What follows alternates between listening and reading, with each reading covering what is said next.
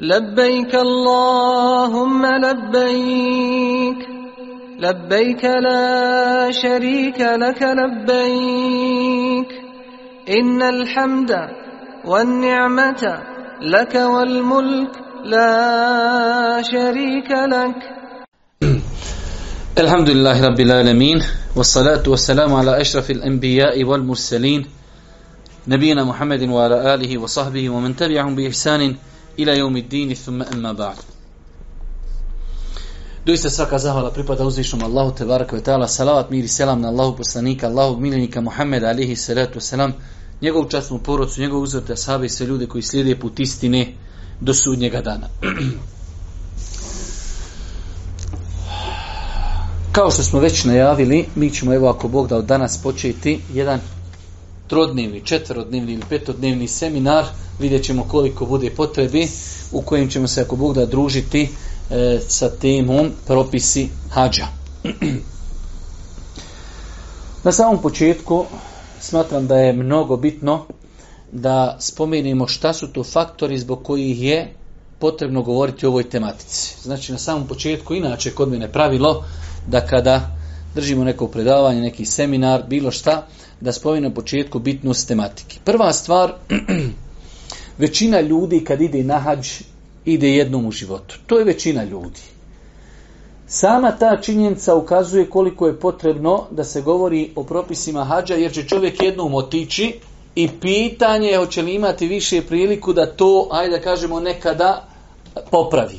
Tako ako se desi da je e, nešto propustio, da nešto nije obavio dobro ili jednostavno nije iskoristio priliku, samim tim znači njemu se vrata zatvori. To većina ljudi, bude ljudi koji obave hađi i dva puta, i tri puta, i pet puta, ali velika većina ljudi u cijelom islamskom svijetu, ne samo kod nas, jedva stignu, hajde kažemo materijalno, da jednom obavi hađi. Pa je mene to ponukalo da ako Bog da snimim ova predavanja u kojima ćemo govoriti o propisima hađa kako bi insan ona jedan put kad ide da to pokuša iskoristiti maksimalno na najbolji mogući način. S druge strane,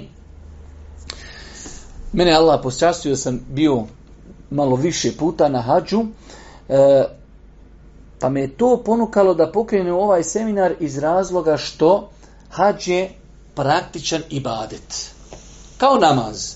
Vi namaz čovjeku možete pričati koliko god, pa odeš na ruku, pa odeš na seždu, on taj ruku zamišlja ko neki mo, zamišlja nešto, ne zna šta je, kad ti njemu e ovo je ruku, Allahu ekber, a pa to je ruku. Ovako se sjedi na etehijatu i tako isto sa hađom. Čovjek može propise hađa čitati zaista i može iščitati, može naučiti, ali praktično je nešto drugo. I većina ljudi kada se vrati sađa prvi put kaže, e da mi je sada odim, sad bi ja znao i tavafit, i saj, i bacanje kamenčića i muzdelifa, sve bi to meni bilo lakše. Zašto? Zato što je hađ praktičan i badet. E sad, ja, insan koji je više puta ovaj praktično hađ, pokušat ću kroz tu svu teoriju, kad budemo govorili, pokušati jednostavno da damo tu dušu neku, svakako, ne može čovjek ovdje pokazati to praktično, ali jednostavno iz tog nekog dugogodišnjeg iskustva pokušam što više te stvari pojednostaviti iako ako Bog da približiti nekome ko prvi put sluša e, propise vezane za hađ, pogotovo ljudi koji nisu nikad išli na umru. Jednom kada insan ode na umru, ima, hajde da kažemo, mnogo bolju prijestavu nego insan koji nikad bio ni na umri i prvo što ide odmah ide na zaista, zaista znači e, je to jedan veliki problem. Treća stvar koja je mene ponukala da govorim e, o propisima hađa, da govorimo malo detaljnije, da to bude jedan seminar, jeste prisustvo dosta grešaka općenito ne govorimo i samo o bosanskim hađijama. Znači, generalno gledajući, kada ljudi dođu iz Pakistana, iz Turske, iz Indonezije, iz Malezije, iz Egipta, iz Sirije, iz Bosne, iz Palestine, iz Amerike, iz Australije, i jednostavno velik broj ljudi se povodi za drugima. On zna, ja ne znam. Možda ovaj zna. I onda ja za njim pravim greške kako i on pravi greške. Pa je najbitnije, ja kada sam s ljudima bio i na hađu i na umri, ljudima kažem, mi znamo šta trebamo raditi. Nemojte gledati u druge ljude. Vidiš ovaj radi ovako, onaj radi onako, ne. Pratite mene ili šta ja znam, pratite svog vodiča i radite kako on radi. Jer jednostavno mnogo, mnogo stvari na hađu i na umri se radi neispravno. Pa je veoma bitno da čovjek ima znanje i da kaže ovo je ispravno, ovo je neispravno. A kako to opet postići? Postići na način da čovjek sjedni, da iščita, da pošla seminar, da pošla predavanje, da pogleda knjige i tako dalje. Pa je i to jedan od razloga e, da bi se čovjek sačuvao od grešaka. Jer vidjet ćete, evo primjera radi, iako je to dosta onaj, može se poslije spomenuti, na hađu i na umri, a na hađu konkretno, čovjek može napraviti greške koje su izuzetno opasne. Pa zamislite primjer radi, čovjek je ušao u ihrame, krenuo je na hađ i prije nego što bude na refatu, spolno opći sa ženom. Vidite kakve se vezuju za to stvari. Uradio haram, jedna stvar. Pokvario hađ. Mora nastaviti čin taj hađ do kraja. Mora doći sljedeće godine da ponovo obavi hađ i mora zaklati kurban. Jedna stvar jedna greška, pogledaj koliko posljedica. Pokvario hač, uradio grijeh. Mora nastaviti, ideš i dalje obavljaš, a ne broji se. Ko kad pije čovjek alkohol, pa moraš poslije klanjati, 40 dana se ne prima, a moraš klanjati. Moraš zaklat kurban i moraš doći sljedeće godine. Jedna greška. Pa je znači veoma bitno da čovjek nauči propise ako ne daj Bože ne bi se desilo. Mi ćemo poslije ovo kad budemo govorili o ihrama i Iramskim zavrama, hoćemo o ovim stvarima detaljniji, ali znači veoma je bitno da čovjek zna da ja Evo, čovjek dođe u, Meku, u Medinu i kod kabura Božijeg poslanika dovi Božijem poslaniku, njemu dovu puću učini širk. Došao nahađ, čitav život, sabira pare, da ode nahađ, da mu se oprošte gris i on dođe i u džami Božijeg poslanika počini širk. Najveći grijeh koji se može počiniti. Gdje je problem? Neznanje. Gdje je problem? Nije naučio. Gdje je problem? Nije mu niko pojasnio. Isto tako, e, velik broj naših ljudi, a možemo slobodno kazati i, i svih ljudi, ti milionski koji dolazi na hađ, u većini slučajeva hađ doživljavaju suhoparno. Ko što vidite danas velik broj umeta klanja namaz, da ne raz... Arapi danas klanjaju namaz, ne razmišljaju šta uči. Da ne govorim o nama, Turcima, Afganistancima, Indonežanima, Malezincima i drugima koji ne govore arapski jezik. Velika većina nas klanja namaz, ne znamo šta klanjamo. A srž namaza je šta? Skrušenost. Srž namaza je osjetina. Isto tako i hač. Većina ljudi hač doživljava pokriti, samo pokriti. Nema duši. I zato ćemo mi na početku ispomenuti neki 15, 20 ili 10 koristi hađa. Identična je situacija sa postom, identična je situacija sa namazom, identična je situacija sa hađem gdje ljudi idu, on je spreman da bi dodirnuo crni kamin i posvađat se, i udarit, i gurnut, i opsovat, i prekinut namaz samo da bi dodirnuo crni kamen. Zato što nije shvatio šta je srž, šta je srž boravka u Meki Medini na hađu. Pa je znači e, mnogo bitno da ljudi shvati Šta je to cilj bacanja kamenčića? Šta je to cilj obilaska oko kijabi Šta je tu cilj doticanja tog crnog kamena? li to dodirno kamen sad moja ruka sveta ili ima nešto drugo? Da li ja bacio kamenčiće, dođu ljudi pa, e, kaže, šetan, ti si mene zavodio čitav život, pa uzme ciglu i on misli, on šetan tamo zavezan za džemre i on njega cijeli dan kamenja neznanje, ali nema hađ, nema svoje duši. Pa je veoma bitno govoriti o tematici hađa s aspekta da se kod ljudi pobudi i probudi e, šta je to cilj, što je nama propisan hađ. Isto tako, e, dosta puta nam se dešava konkretno kod nas, a mnogo i u drugim državama, čovjek ide na hađ, ništa se educirao ni o hađu. On je sve prepustio vodiču on je sve prepustio kompaniji. E, u našem slučaju on je sve prepustio islamskoj zajednici. Ne znam ja, ja idem na hađ, hoću da me neko uzme za ruku, hajde lijevo, jesi digni, baci, sagni se, obri se, ošišaj se, sjedi, ustani. Znači jednostavno toliko su ljudi, idem jednom u životu na hač, plaćam 8.000 maraka, možda više nikad neću u životu obak tak je li teško pogledat neki dokumentarac, pa predavanje, pa knjigu, pa otići kod ljudi koji su bili na hađu, uzeti iskustva.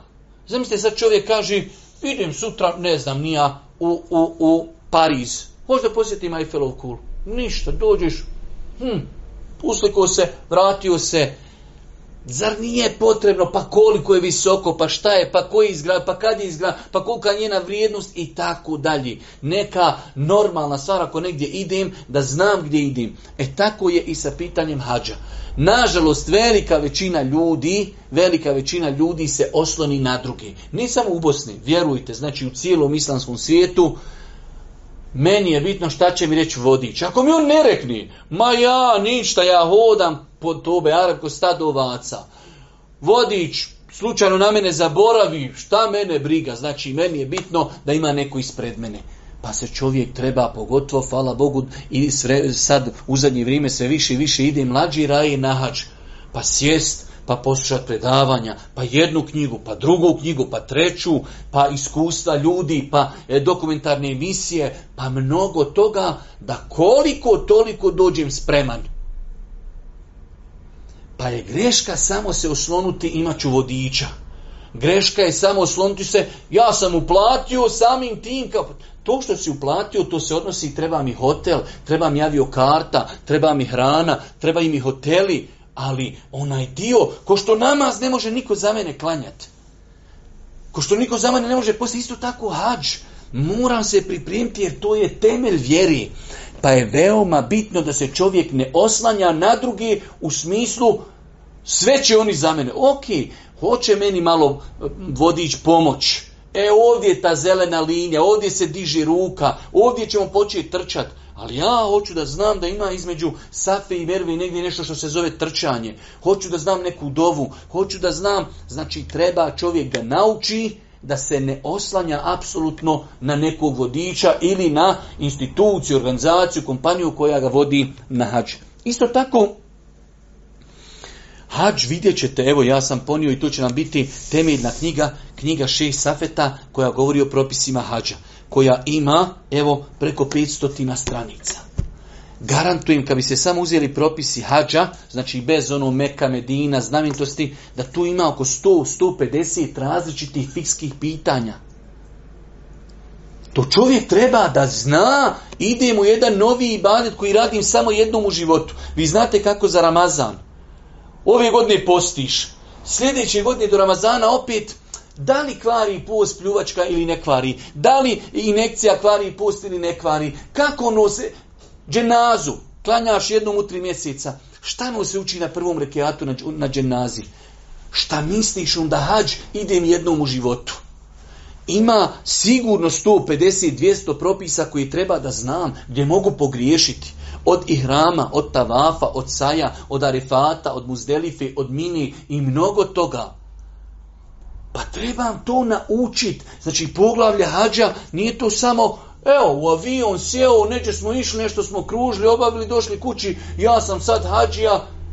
Ima mnogo propisa. Vidjeli ste, jedan prekršaj koliko čovjeka može koštati. Pa je veoma bitno da čovjek zna da poglavlje hađa je poprilično široko poglavlje. Nije to nešto, hajde da kažemo, e, da hajde, kad propisa kike, nešto, pešist propisa i to je to. Ne, poglavlje hađa doista, mnogo široko poglavlje. Isto tako, rekli smo, hađ je temelj islama. Sama činca tu nam daje do znanja da se moramo oko toga potruditi. Vidite namaz, pa post, pa zekjat, pa hađ, ne može čovjek doći, idem da obavim temelj Islama, nespreman, ne znam, kako ću, šta ću, nisam ništa čitao i tako dalje. Radi se o jednoj krupnoj Ne radi se to, primjer, radi, hajde da kažemo, skratit brkove, hoću li ovako, ovako odrezat nokte, očistit zube mi svakom, sitne neke stvari, sitni neki propisi. Dijete mi se rodilo, hoću mu obrijat glavu ili neću, prušte ezan ili kameti neću i tako dalje. Vjerujte da su naši ljudi spremni više pitat, hoću li prušiti ezan i kamet svome djetetu, otiće nađe, nećete ništa upitat. I onda će dole doći, pa šta ću? Stotine propisa te čeka. Jer je to temelj, rukn snama. Pa je, znači, sve nam to ukazuje koliko je bitno da govorimo o ovoj tematici. E, predzadnja stvar, e, definitivno kad su u pitanju knjige na bosanskom jeziku postoji više knjižica, knjiga, ali knjiga od čija Safeta, doktora Safeta Kuzovića Hadž i umra znamenja, odlike i pravni propisi, definitivno je najbolja knjiga. Ima drugih knjiga i knjižica koji su lijepe, korisne, kvalitetne, ali ovo definitivno najbolja knjiga. I ja kad bi smio reći, ja bih rekao svakom hađi je obaveza ovu knjigu uzeti i ne pročitati već je analizirati i studirati prije odlaska na hađ i prije nego što ode opet da sjedne sa nekim insanom i kaže slušaj, e ovo u knjizi nisam razumio, da mi pojasni. Ovo mi nije jasno, da mi pojasni. Jer će sigurno možda 10, 20, 30 propisa reći ja ovo ne razumijem, treba neko da mi pojasni. I što je opet opasno i rekli smo malo prije e, kada smo govorili, kada smo govorili o hađu, velik broj ljudi na hađu oponaša druge. Velik broj ljudi na hađu oponaša druge. Ne zna on da li njegov ispravno ne, ali on kontakt, pošto znam da ja ne znam, ovaj dok nešto dodatno radi što ja ne radim, valjda tako treba. I onda, samo ako jedan mahni, odmah ostali za njim mahaju. Jedan se zaustavi, drugi se zaustavljaju. Jedan i tako dalje. Pa je hađ, rekli smo, praktični ibadet, rješenje da čovjek nauči i rješenje da čovjek, hajde da kažemo, zna šta je ispravno, šta je neispravno. Dobro, to su bili po meni neki faktori zbog čega sam ja odlučio da, ako Bog da pokrenimo ovaj seminar. E, nakon toga, prije nego što počnemo konkretno govoriti o nekim e, mudrostima propisivanja hađa, ako bi mogli tako reći, e, možemo spomenuti nekoliko stvari koji su veoma bitne da ih znamo. Nama zaista nije cilj, ne daj Bože da neko provociramo, nije nam cilj, e, ali isto tako, kao što u namazu imamo određene greške koje ljudi pravi, pa smo mi pisali čak knjige o tome, pa smo ukazivali na greške postača, pa greške prilikom zekijata, isto tako, mi ćemo neprestano kad budemo boravak u Medini, greške u Medini. Boravak u Hirama, greške u Hirama. Tavaf, greške u Tavafu. Arefat, greške na Arefatu. Jer nekad nije dovoljno čovjeku pojasniti propis. Ok, to je propis, ali ima još nešto što ja znam, e ne, da ti kažem to što ti znaš ili je ispravno ili neispravno. Pa ćemo se truditi neprestano, shodno koliko nam Allah olakša i omogući da ako Bog da, govorimo i o greškama. Pa primjer radi, prije samog odlaska na hađ, čovjek još nije klinu na hađ, već imamo greške. Primjer radi, e, da se obavežimo da svaki hađija pravi neku ispraćajnu dovu, to ne postoji u sunetu Božih poslanika takozvana ikrar. ne postoji. Može čovjek hoće da kreni, organizira e, da, da ljudi dođu u njegova familija, porodica, da sjednu, da ih počasti, hajde da kažem prije polaska, da on od njih traži halala, ako ne daj Bože se ne vrati, e, da oni njemu zaželi sve dobro, da ga isprate, da upute i za njega dovu, da. Ali da se smatra, da ima propis, da to svaki čovjek treba napraviti, ako ne napravi, napravio je problem, ne ne postoji posebna dova, ali da čovjek zahvalan je Allahu, idem nahač, volim da okupim ljude, da jednostavno obznanim da idem nahač, da od njih zatražim halala, da mi oni prouče dovu za mene, da te Allah sačuva, da ti olakša da obaviš hađ, da nam se živ izdrav vratiš, sve je to inšala ispravno. Jedino što nije ispravno, smatrati da postoji poseban ibadet koji se zove ikrar dova. Isto tako, čovjek se treba paziti i mi ćemo poslije o tome govoriti, još nisam krenuo od kući, a možeš ubelajit. Ja znam jednog čovjeka, onu priču koja je iz prve ruke, došao čovjek s hađa, mujo.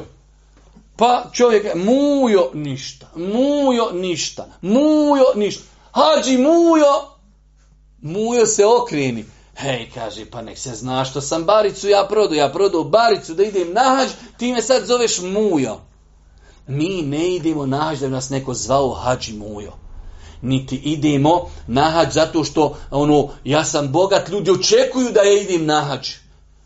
Ne, ja idem hađ jer je to peti rukn Islama. Ja idem u ime Allaha. Ja robujem Allahu putem odlaska na hađ. To je ispravno ubjeđenje, ali ne da idem zbog ljudi. Ha, svi znaju da sam bogat, pa treba mi ja otići na hađ. Ono, pitaju me što ne ideš na hađ. Ne idi se zbog toga nahađ. Ja idem hađ radi Allaha, idem da se pokorim Allahu, ne idem zbog titule. ne idem zbog i tako dalje. Pazite, u startu čovjek može kvinti ne daj Bože napraviti pogrešan korak, da ga košta, ošao hađ, vratio se, Allah zna da nema ni ništa od svog hađa ja idem na hač radi Allaha, idem da dole klanjam namaze, idem da budem na refatu, idem da posjetim džamiju Božih poslanika i tako dalje. Ne idem zbog tituli, ne idem zbog ljudi, ne idem zbog neke sramote i tako dalje. Isto tako, ona, ona pogrešna neka, iako je niko plavo ne govori, ali ono, mlad sam za hač, Valja očuvat hač ama kontra treba ići naš dok insan mlad. To najbolje znaju oni stari. Čovjek dođe 70. godina ide na hađ. Ja bio sam dole, bio sam vodič hađema, čovjek možda nikad u životu iz svog sela nije izišao. Ili eventualno iz neke svoje čašice. I prvo njegovo veliko životno putovanje, hađ. Prvi aerodrom, prvi pasuški kontrole. I onda on kad dole dođe, on je sam pogubljen. Kaže stari, Mlađi dok ima mogućnost 18 godina, 20, 25, 30, 40, ne treba mi ničija pomoć. Čovjek kad je star, uz njega minimalno dvoje, troje mora biti. Izgubio se, razbolio se, šećer mu opu, vodi ga doktoru, razbolio se, drhti, trese se, bolestan, ne zna i tako dalje. Svi u tavafu idu, moraš pas njega jer se izgubio. Svi na kamenčiće gledaš gdje je on. I neprestano si drugim ljudima na opterećenju. Mlad insan, ono je harem, ovo je hotel, selam ali kalik, selam, završena stvar. Eno kamenčići baci, idemo dalje.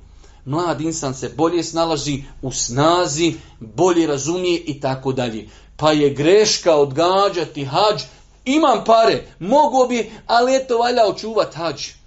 Kako očuvat hađ?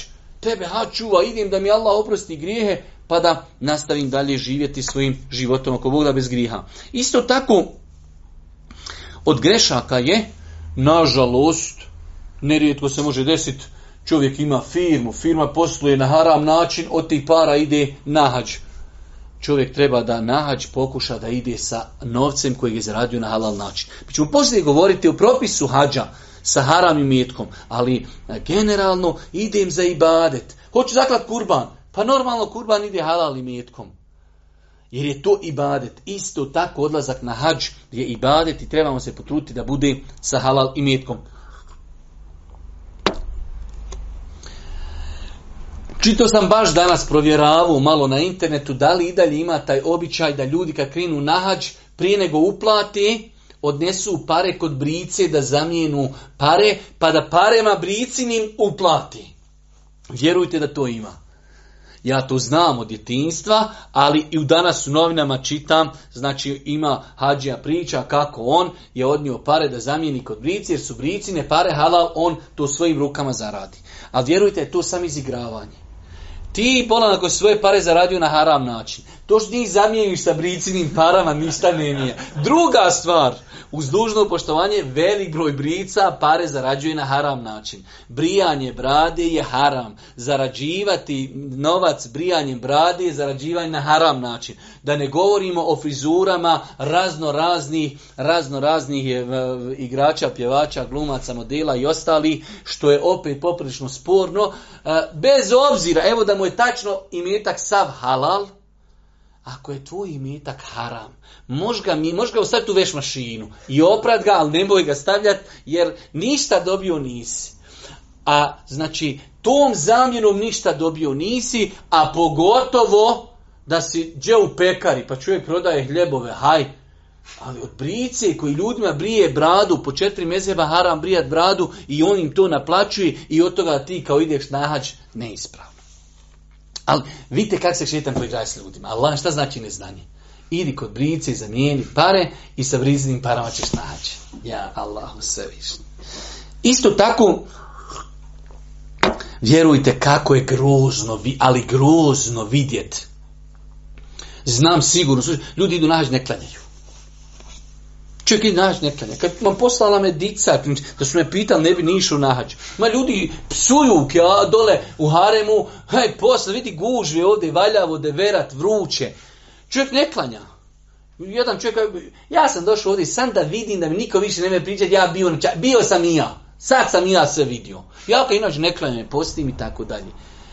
Pa je ružno vidjeti čovjeka koji psuje čovjeka koji e, duhani, dole čovjek ide, iziđe iz harema u meke i zapali cigaru. Čovjek ne klanja namaz. Znam ljudi, iziđe sunce, zaspo, spava, ništa, klanja sabah u 11 sati. Spoji sa podni. Pa znači grijesi na hađu. Čovjek se treba paziti svoj namaz, paziti se duhana, muziki, sad mobitel, čovjek sjedi pa do arefata se vozi u autobusu pola sata, muzika fino, da, pa šta će jadnik dosadno mu, daj malo, da, da napuni malo baterije prije arefata, daj malo muziki. E, gibet, ne mi sjedi ljudi vazda, valja od podne sjed do akšama. Pa daj, p, hađi mujo, udri, Hađi Haso, udri šamaraj, gibeta, nemimeta, potvari, psov sve to ide. I tek onda vidite e, onaj hadis o kojem ćemo govoriti više puta, da poslani kaže, ko obavi hađ, ali nije spolno općio sa ženom, nije činio grijehe, vraća se kući ko, ko, na dan kada ga je majka rodila. O još to, odšao, došao, evo me, kod mami rođen. Nije, Boga mi, lako. Radiš grijeh 45 godina i sad on ošao nađ, vratio se, misliš da je tako lako. Nije lako, a može se. A može se. Pa znači insan ako već ide nahađ, ako već ide na da ostavi duhan, da pazi svoj pogled, da pazi svoj jezik, da spazi svoj namaz i tako dalje. Pa znači ovo su neki, hajde ih nazovemo, uvodne napomene za koje sam smatrao da je bitno da ih spomenem na početku.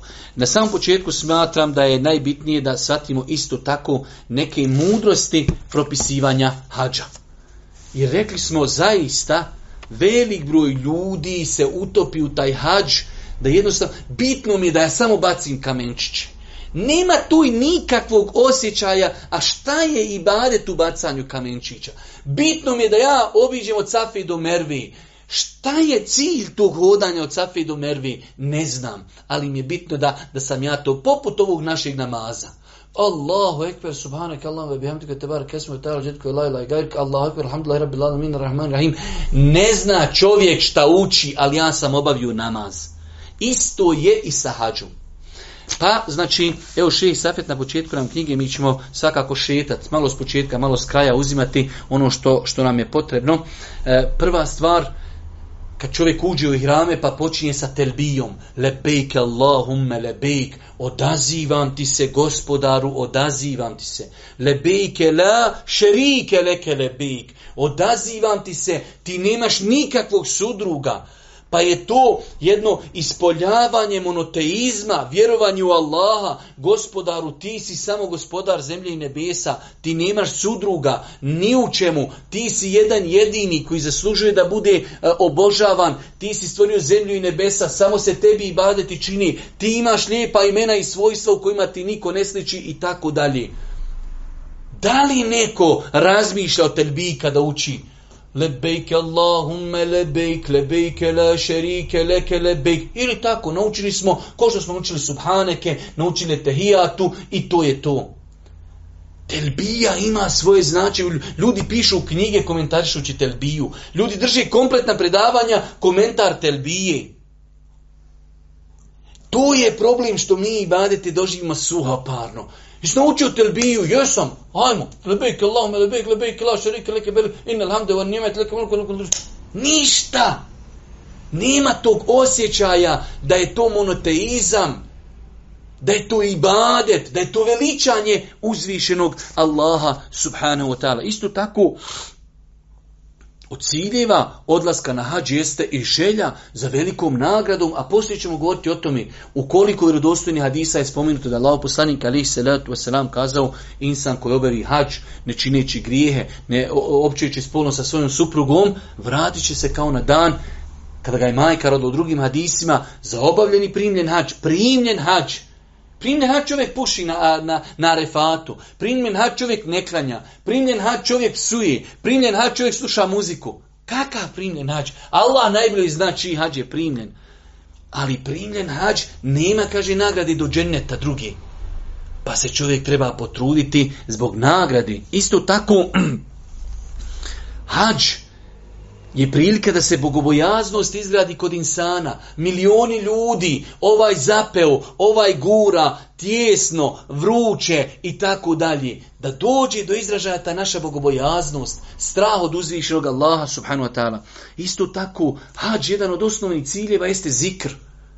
Zato što vidite, Tulema kaže, telbija se non stop uči, u tavafu non stop zikr, od safe do mervi non stop zikr, u danima mini non stop zikr.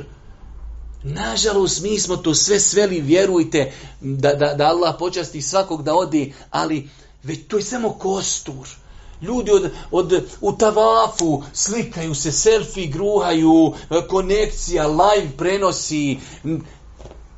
To možda nikad više nećeš tu biti kod Kjabi, naj, najsvetije mjesto na planeti, da iskoristiš, da doviš, da plaćiš, da se sjetiš rotilja, umeta, muslimana, ulemi, Bosni. Čovjek pali live, čovjek slika se, selfie, zaustavi čovjek cijeli tavaf da bi on se mogao kod vrata za, za, e, onaj, uslikat i tako dalje. A cijeli hađ je prožet zikrom, spominjanjem uzvišenog Allaha subhanahu wa ta'ala. Od samog ulaska u ihrame, telbija, salavati, zikr, učenje Kur'ana, oko tavafa, e, od Safije do Mervije, od Mervije do Safi, u danu Tervije, na Mini, na Muzdelifi, bacanje kamenčića. Danas vidite ljudi bacaju kamenčiće za 10 minuta. Preneseno je da su ashabi opet oponašajući Božijeg poslanika baci jedne kamenčiće, znači imate tri džemreta, o tome ćemo poslije govoriti detaljniji, baci džemre i skloni se, stoji toliko dugo koliko se može sura Bekara proučiti. Evo, Bekar ima 59 stranica, minut za strancu. Kako je učenje minut za strancu? Ali evo, minut za strancu. 60 minuta čovjek stoji i dovi. Tako su dobavljali hađ. Danas 90% hađa ne zaustavi se uopšte da dovi. Da ne kažem da dovi sat vremena. Hađ je sav ibadet, sav je hađ zikr. Pa ćemo, znači, pa je hađ isto tako spominjanje i veličanje uzvišenog Allaha subhanahu wa ta'ala. Isto tako, hađ ima tu historijsku jednu dimenziju pa su na hađu bili poslanici prije nas, pa znači sjećanje na Ibrahima alihi salatu wasalam i druge poslanike koje Allah poslanik alihi salatu wasalam spomenuo, Allah poslanik je spomenuo u hadisima da je hađ obavljao Musa alihi salam, Junus alihi salam e, i drugi poslanici Musa alihi salam, Ibrahim alihi salam, Junus alihi salam i drugi poslanici dolazili su na hađ pa znači, e, mi smo samo jedan veliki historijski nastavak jednog velikog, hajde da kažemo, umeta, odnosno cijelog čovječanstva. Isto tako, e, hađ je prilika da čovjek, e, hajde da kažemo, dođe do izražaja slijedjenje poslanika ali salatu wasalam. Vi ko što i namaz i mnoge druge stvari, dobro, evo, neću da, da ono ispadi sad samo kritika, samo kritika, ali Dosta puta kod nas hađije, možda od 1800 hađije koji idu, 100 hađije ode uborati na mini 3 dana. Kao, to je sunnet. Evo, ok, jest, evo, hajde sunnet. Ali taj sunnet jednom u životu možeš ispuniti. Više nikad ga nećeš ispuniti. Allah poslanik da je bilo u tim danima bolje i tim noćima biti u Mekke, on bi bio u Mekke. Ne, provodio je dane na mini. Ode baci kamenčiće i vrati se na minu. Nije išao, nije išao u, Meku da obavlja namaze dole. Pa je to primjer da čovjek, eh, kako je poslanik bio na Rifatu? Tako i ja ću. Kako je bio na Muzdelifi? I ja ću. Kako je bio na Mini? I ja ću. Omer radijallahu anhu kad je dolazio da poljubi crni kamen, došao je, je u poljubio, kaže inni le a'lemu inneke hađar. Ja znam, kaže ti kamen, u smislu, on pojašnjaje ti, kaže, ne možeš mi nikakvu korist pribaviti. Jesi ti iz dženeta, ok, ali ne možeš mi korist nikak, niti štetu od mene možeš da, to samo može užiseni Allah. Ali, kaže, ja sam vidio poslanika da te ljubi, pa te ja tako ljubim. To je pojenta hađa. Kako je poslanik izgovarao telbiju? Hoću i ja. Kako je poslanik vjezu ihram? Hoću i ja. Kako je poslanik bio na mini? Hoću i ja. Kako je bio na refatu? Hoću i ja. Kada je poslanik obavio tavaf? Hoću i ja. Pa je, znači, hađ, pogotovo prilika, rekli smo na početku, velik broj ljudi jednom u životu će obaviti hađ. Pogledajte koliko mi snagi ulažimo svaki dan sunnete klanjamo, svaki, i alhamdulillah. I odiš jednom na hađ, jednom u životu. I kad ja neću biti namini, kamo sreće da bude makar dobavlja namaze, dobro postoji u hotelu sjedi. Pa treba ljude odgajati ne treba kritikovati, ali sine, robe, brate, muslimanu, možda više nikad u životu niješ doći na hađ. Zato kažu islamski učenjaci, kada imate ibadet koji je ograničen vremenski, ibadet koji nije ograničen vremenski, daje se prednost ibadetu koji je ograničen vremenski i tada je njega najbolje činiti. U danima mini, najbolji ibadet koji možeš činiti jeste da budeš na mini. Vrijedno biti u Meki, da, ali je vrijednije biti na mini. Zašto? Jer je tako radio poslanik, ali se ratu se Pa je, znači, e, hađ prilika da čovjek slijedi dosljedno Božih poslanika, ali se se nam. Jer osnovi poslanik je govorio, kaže, li da od mene uzmete propise, da me oponašate, da slijedite, kaže ja ne znam da li ću, kaže, nakon ovih godine ikad više hađu činiti samo jedan hađa Allah poslanik alihi salatu wasalam i uradio. Isto tako hađ je prilika da čovjek upozna muslimane, da se ojača bratska veza među, muslimanima. Nažalost, nažalost, ja sam gledao svašta, slušao svašta, ljudi se nacionalno dijeli, eno dole e, Arapi, ono su tamo, ono su tamo Albanci, ono su Šiptari, eno tamo Sanđaklije. To je jedan veliki umet, kongres, gdje se muslimani treba da sjednu, da se voli, da se upoznaju. Mašala, brat iz Indonezije, šta ima kod vas u Indoneziji? Kako je stanje u Indoneziji? Ovaj brat došao iz Amerike, ovaj došao iz Australije, ovaj došao iz Palestini. Allahu ekber, šta ima u Palestini? Ovaj došao iz Sirije, ovaj došao iz Jordana, ovaj došao iz Bosni ovaj došao iz Kavkaza, ovaj došao iz Uzbekistana. Šta ima u Uzbekistanu? Da se ljudi upoznaju, da se međusobno voli. Nema tu, na Arefatu samo imaš dva vjela i hrama. Malo po licu možeš poznat ko je ko. Zato kažu Arefat posjeća na sudnji dan.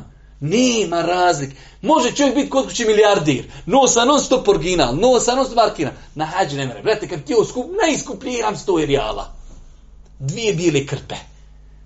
E, pa daj da malo uživamo na refatu, gdje nema među nama razlike nikakve. Daj da se malo upoznamo, daj da malo razgovaramo, daj da malo razmijenimo mišljenje, pa da vidimo neko galima, pa pošljamo neko predavanje i tako dalje.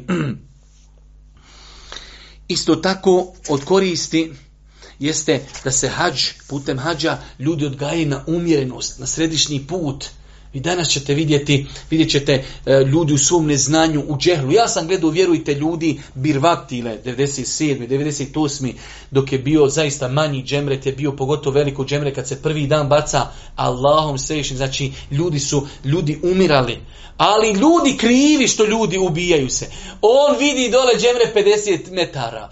On više ne vidi ništa. Bukvalno, ko je bitka na bedru. Juriš.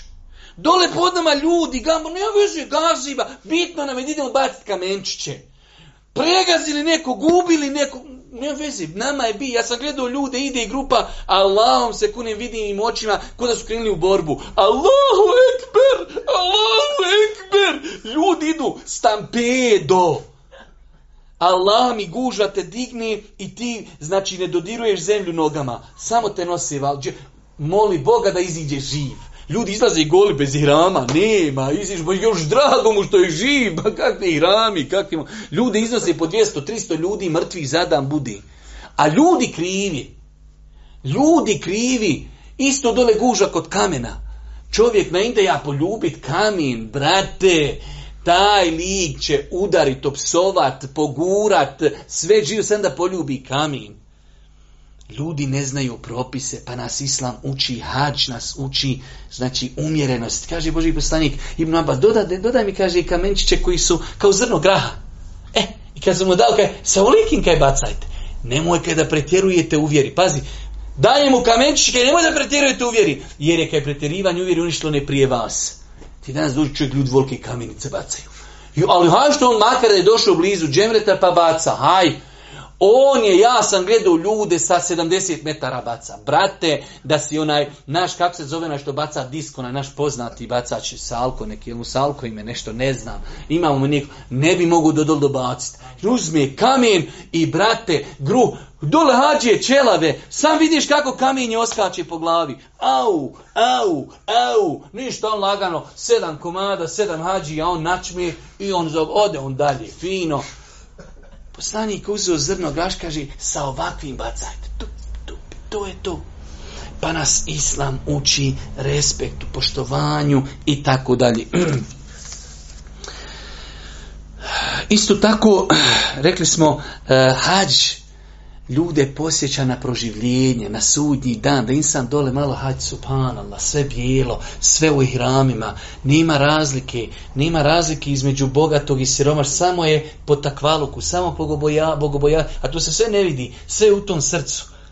Pa čovjek kad dođe na znači to su posebni momenti za insana koji hoće da to doživi.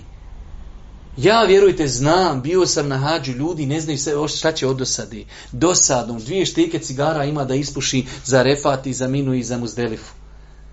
Cijeli dan ganja tamo nekog beduina da se sa, sa devom uslika. Ode na džebelu rahme, god dok se popneš, dok siđeš, pol dana ti prođe. Ode dole neđe na kraju, Arefat je velik, od ovda možda dole do Fahdove džamije. Ode dole kod Fahdove džamije, bacaju se besplatni sladoled, ode onda dole dobije besplatni sladoled jedan. Sladoled koji vrijedi pola marki. On će za pol marki otići pješice dole zbog jednog sladoleda. Dosadom šta će, ode ganja sladoled, ode deve, ode se slika, ode na džebelu rahme, penji se, gore silazi, popni se, samo, e, mila olakša vijest vrijeme će alhamdulillah što nam fino prođe, što nam fino prođe arefat.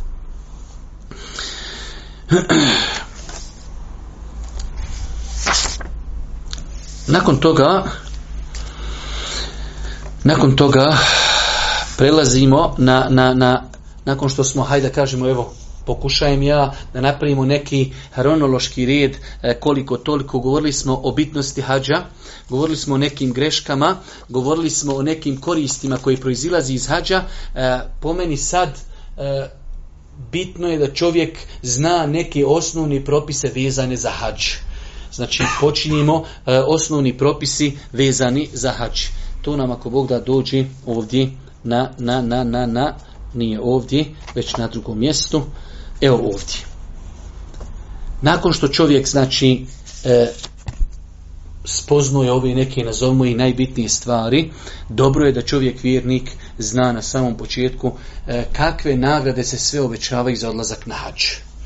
Pa kaže su na hadisme da je hađ generalno gledajući jedno od najboljih e, dobrih dijela. Allahu poslanik ali se ratu sam su pitali e, koji posao je najvrijedniji pa kaže Allahu poslanik vjerovanju Allaha njegovog poslanika definitivno najbolji posao i najbolje djelo. Pa su pitali a nakon toga kaže borba na Allahom putu džihad definitivno e, znači stepen da čovjek dođe na nivu da je spreman dati svoj život na Allahom putu to je definitivno velika stvar a nakon toga kaže koji najbolje djelo e, kod Allaha primljen hađ. Znači treća stepenca u ovom hadisu jeste primljen hađ pa se insan treba potruditi, ako već jednom u životu idem, da onda se pokuša maksimalno potruditi da taj hađ moj bude primljen i kabul kod uzvišnog Allah Isto tako e, od odlika hađa jeste da u potpunosti briše grijehe. Govorit ćemo poslije da se u lema razilazi šta to znači da li briše grijehe. Vi znate da generalno pravilo kod ehli sunete vol džemata jeste da kada god dođu hadisi i kaže se ko nešto uradi, vi ćemo oprošten grijesi, da se misli na mali grijehe. Ali su određeni hadisi u hađu izrečeni tako da je određen dio u Lemi rekao brišu se svi grijesi koji su između tebe i Allaha. Definitivno eh, hađ ni, ni džihad čak, ni hidža ne može pobrisati tebi dug prema čovjeku. Čovjek ima dužan prekaj ja ako poginem kod šeji, bit ćem sve oprošeno. Sve osim onoga između tebe i ljudi. Tako i hađ. Pa ima u Lemi koja kaže da o obavljanje hađa, ako se čovjek vrati, hađ mu bude kabul i svi su mu grijesi oprošteni između njega i Allaha. Ono što između njega i ljudi, to ostaje da, da što bi rekao, odgovara na sudnjem danu ili da još dok su živi, da to oni regulišu. Ali, znači, jedan dio Leme kaže da ovdje kad se kaže oprost grija, da se misli i na velike i na mali. Allahova milost je velika i nadamo se, inša Allah, da insan koji odi na hađu i obavi hač potpuno po sunnetu Allahog poslanika, trudi se da izbjegava maksimalno grijehe, inšala nadamo se da je njegov hač primljen i nadamo se inšala biznila da su mu oprošteni svi grijesi koji su između njega i Allaha. Kaže se u hadisu ko obavi hač u ime Allaha i ne bude u vrijeme hađa spolno opću sa suprugom, niti učinio neki drugi prijestup grijeh, vratit će se svome domu kao na dan kada ga je majka rodila. Pa ova fraza je malo posebna, vraća se kao na dan kada je majka rodila. Dijete kad se rodi nema nikakvi ni mali ni veliki griha. Tako da, ali definitivno da se čovjek ne bi, što bi rekao, e, prešao. Ovdje se prvenstveno misli na grijehe koji su između insana i insana i njegovog gospodara. Kaže se u drugom hadisu, umra umri umre iskupljuje e, e, hodočasniku grijehe, počinje između njih, a za Kod Allaha uvažen hađ nema drugi nagrade osim džennet. Znači imamo oprost grijeha, u drugom hadisu stoji nema druge nagrade. za primljen hađ. Zato je veoma bitno se trud da hađ taj bude primljen, da ne bude grijeha, da ne bude psovke, da ne bude vrijeđen, da nema duhana, da nema gibeta. Maksimalno se truditi da taj hađ bude kabul, nema druge nagrade osim džennet. Isto tako,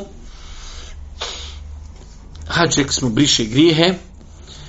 E, hađ je po vjerodostojnim hadisima džihad u kojem nema borbi. Kaže se od Hasan ibn Alija da je neki čovjek došao Božim poslaniku i rekao ja sam plašljiv, slabica, ne mogu se boriti Allahu poslaniku. Kako su ljudi bili iskreni? Ne mogu, strah me, slab sam i završena stvar. Pa kaže Allahu poslanik, idi u džihad u kojem nema borbi, idi na hađ. Vidite kako je subhanallah Allahu poslanik bio pedagog. Dolazi čovjek jednostavno, to je moja su, ne mogu. Šta bi mi čovjeku rekao? Daj bježi, ti smotan, ti kukavica, kako te nije stid? Allahu poslanik ne može, dobro, ima nešto drugo. Idi nahađ, daj mi alternativu. I to treba da bude, e, to treba da bude e, menheđ, način, znači opođenje prema ljudima. Ako ljudima nešto uskratiš, daj ljudima neku drugu zamjenu. Ako smo rekli, e, ako smo rekli ne može muzika, to mogu i lahje bez muzike. Ako smo rekli ne može alkohol, može brate sve vrste pića, od zovi, od malini, sve živo pi. Bez alkohola, ma može i bez alkohola, samo nemoj alkohol. Pa kad se ljudima nešto zabrani, da se ljudima dadne i alternativa. Isto, taka, isto tako hađ otkanja grije i siromaštvo. Subhanallah po nekim dunjalučkim parametrima evo sad čovjek na, u namru da ide pa evo, po nekim ne znam nija cijenama, ali treba mu po eura. Po našim parametrima da u čovjek po eura, to mu umanjuje i metak. Hoće na 4000 eura. Šta? Umanjujemo i metak. Kaže Allah poslanik ali se letu nam obavljanje hađa i umri u kontinuitetu odstranjuje siromaštvo i grijehe, kao što kovački nije odstranjuje primje se od željeza, zlata i srebra. Znači, kontinuirano obavljanje hađa ili došlo u hadisu kontinuirano obavljajte hađ i umru, oni brišu grijehe i brišu siromaštvo. Zbanalo. Ali to je to je, to je samo znači Allahu blagoslov i Allah, obećanje Allahu poslanika ali se ratu sram dok po našim dunjaločkim nekim parametrima e, znači jednostavno e, to nije tako. Isto tako Znamo za vjerodostojne hadise da Allah poslanik za stare iznemogle osobe, za žene, e, znači rekao da je obavljanje hađa, da je to džihad za žene. Jer žene ne učestvuju u borbi u džihadu, pa je Allah poslanik preporučio ženama e, najbolji džihad je, e, znači kod Allaha primljen hađ misli se na žene.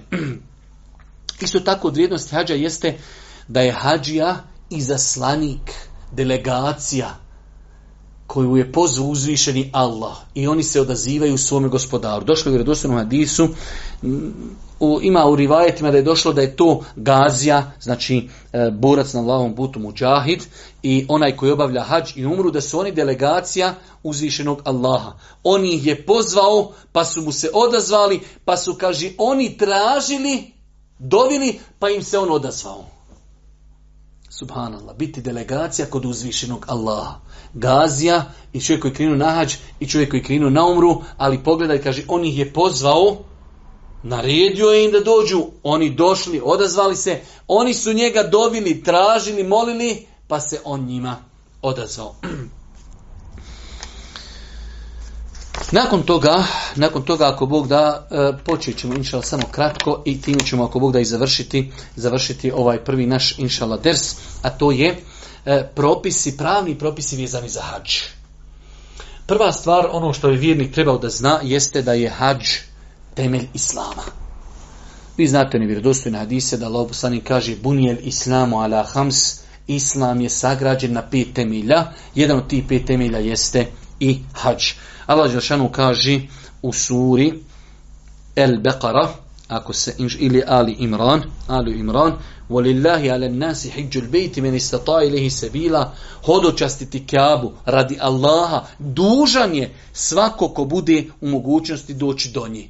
Pa ovaj kuranski ajet وَلِلَّهِ حِجُّ الْبَيْتِ Eh, Walillahi ale nas hinđul bejt min istata ilihi bila I ovaj hadis od Ibn Omera da je Allah poslanik alaihi salatu wasalam kazao Islam je sagrađen na pet pa je spomenuo hađ za one koji imaju mogućnost. Ovo su eh, samo neki od dokaza, eh, znači po konsenzusu islamskih učenjaka obavljanje hađa je obaveza temelj Islama pod uvjetima koje ćemo mi ako Bog da poslije spomenuti.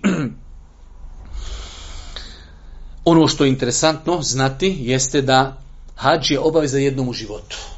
Boži poslaniku ali se ratu sram jednom su došli pa kažu kad je rekao obavljajte hađ pa su rekli jeli svake godine pa je šutio jeli svake godine pa je šutio jeli svake godine pa je šutio kaže Allah da sam rekao da bilo bi obaveza ali Allahova milost prema tu i zamislite sada milijarda i, i, i Allah samo zna koliko i po e, milijarda i po muslimana, da svi muslimani svake godine moraju obavljati hađ.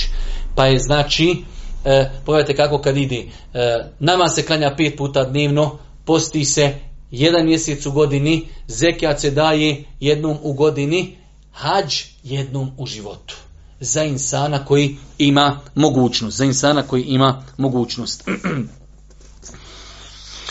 E, od napomena koji nisu loše da ih čovjek zna jeste da imamo dvije vrste hađa, imamo obavezni, to je taj prvi hađ, imamo dobrovoljni hađ, da čovjek ako ima mogućnost da obavi hađ još nekad u životu, zbog svih onih nagrada obavljanja hađa, klanjanje namaza, pijenje zemzema, posjećanje džamije Božih poslanika, posjećanje kuba i tako dalje. Sve to čovjek kada ide na, hajde da kažemo, drugi hađ ili na filu hađ, sve će to ako Bog da opet pokopiti.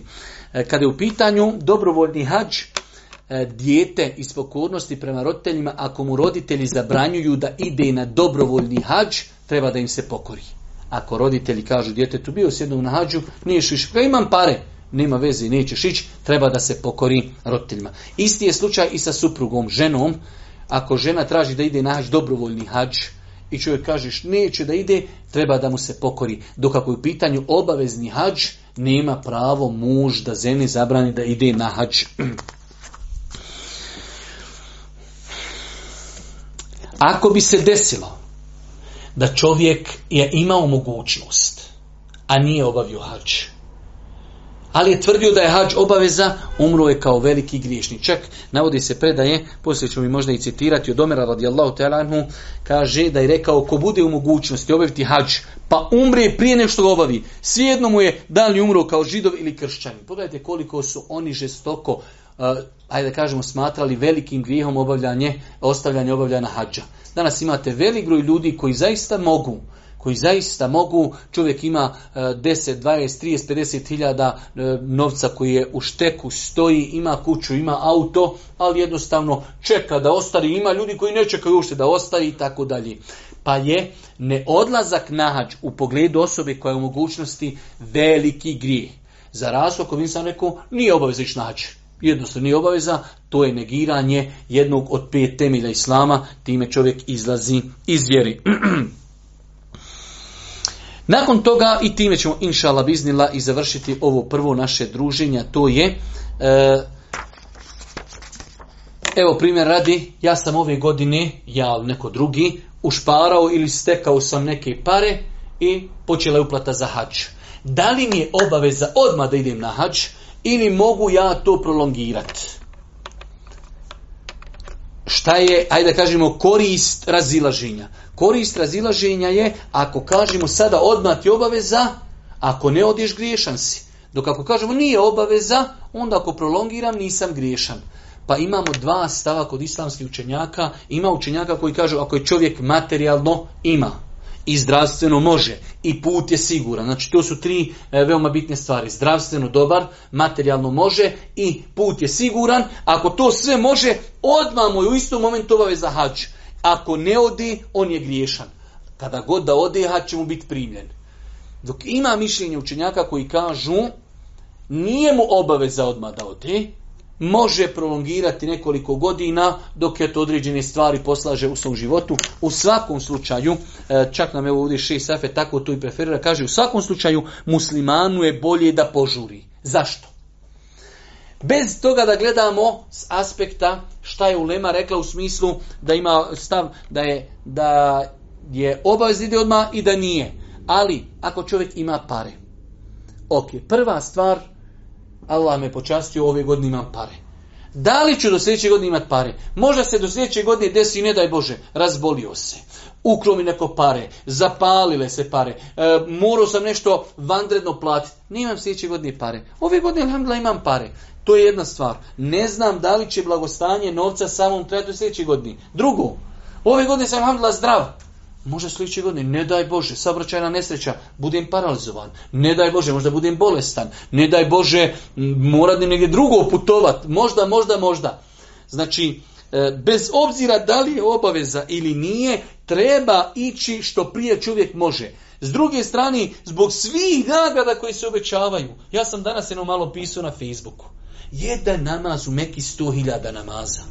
Ljudi, vjerujte, otić na hađ, ono kad gledaš materijalnog aspekta. Osam hiljada maraka je ove ovaj godine hađ.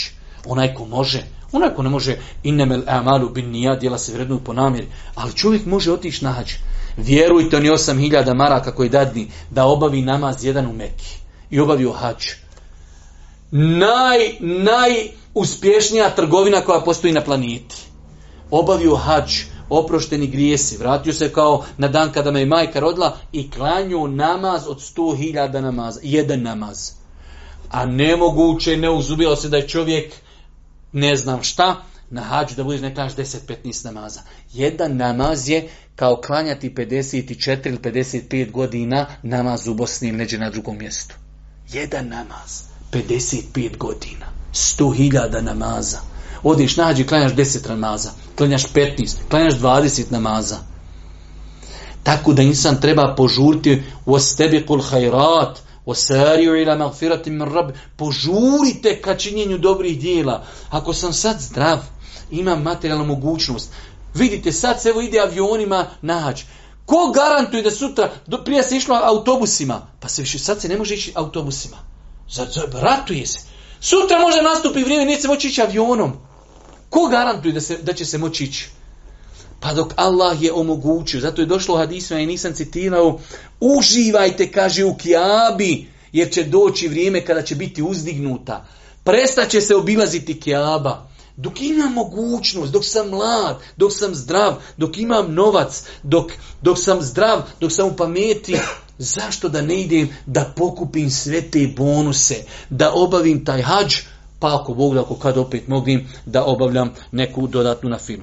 U svakom slučaju, znači, ovo je bilo pitanje onog momenta kada čovjek potpuni uvjete, mogućnost, da li mora ići odma ili ne mora. Postoji jako razilaženje, bez obzira, znači, preferirano mišljenje, da bi čovjek svakako trebao da odi. Svakako svako ima određene različite razloge da čovjek kaže ne mogu zato što je, možda mogu materijalno, mogu fizički, ali imam problem u porodici, dijete, da li majka, da li otac ili nešto drugo vanredno, ok.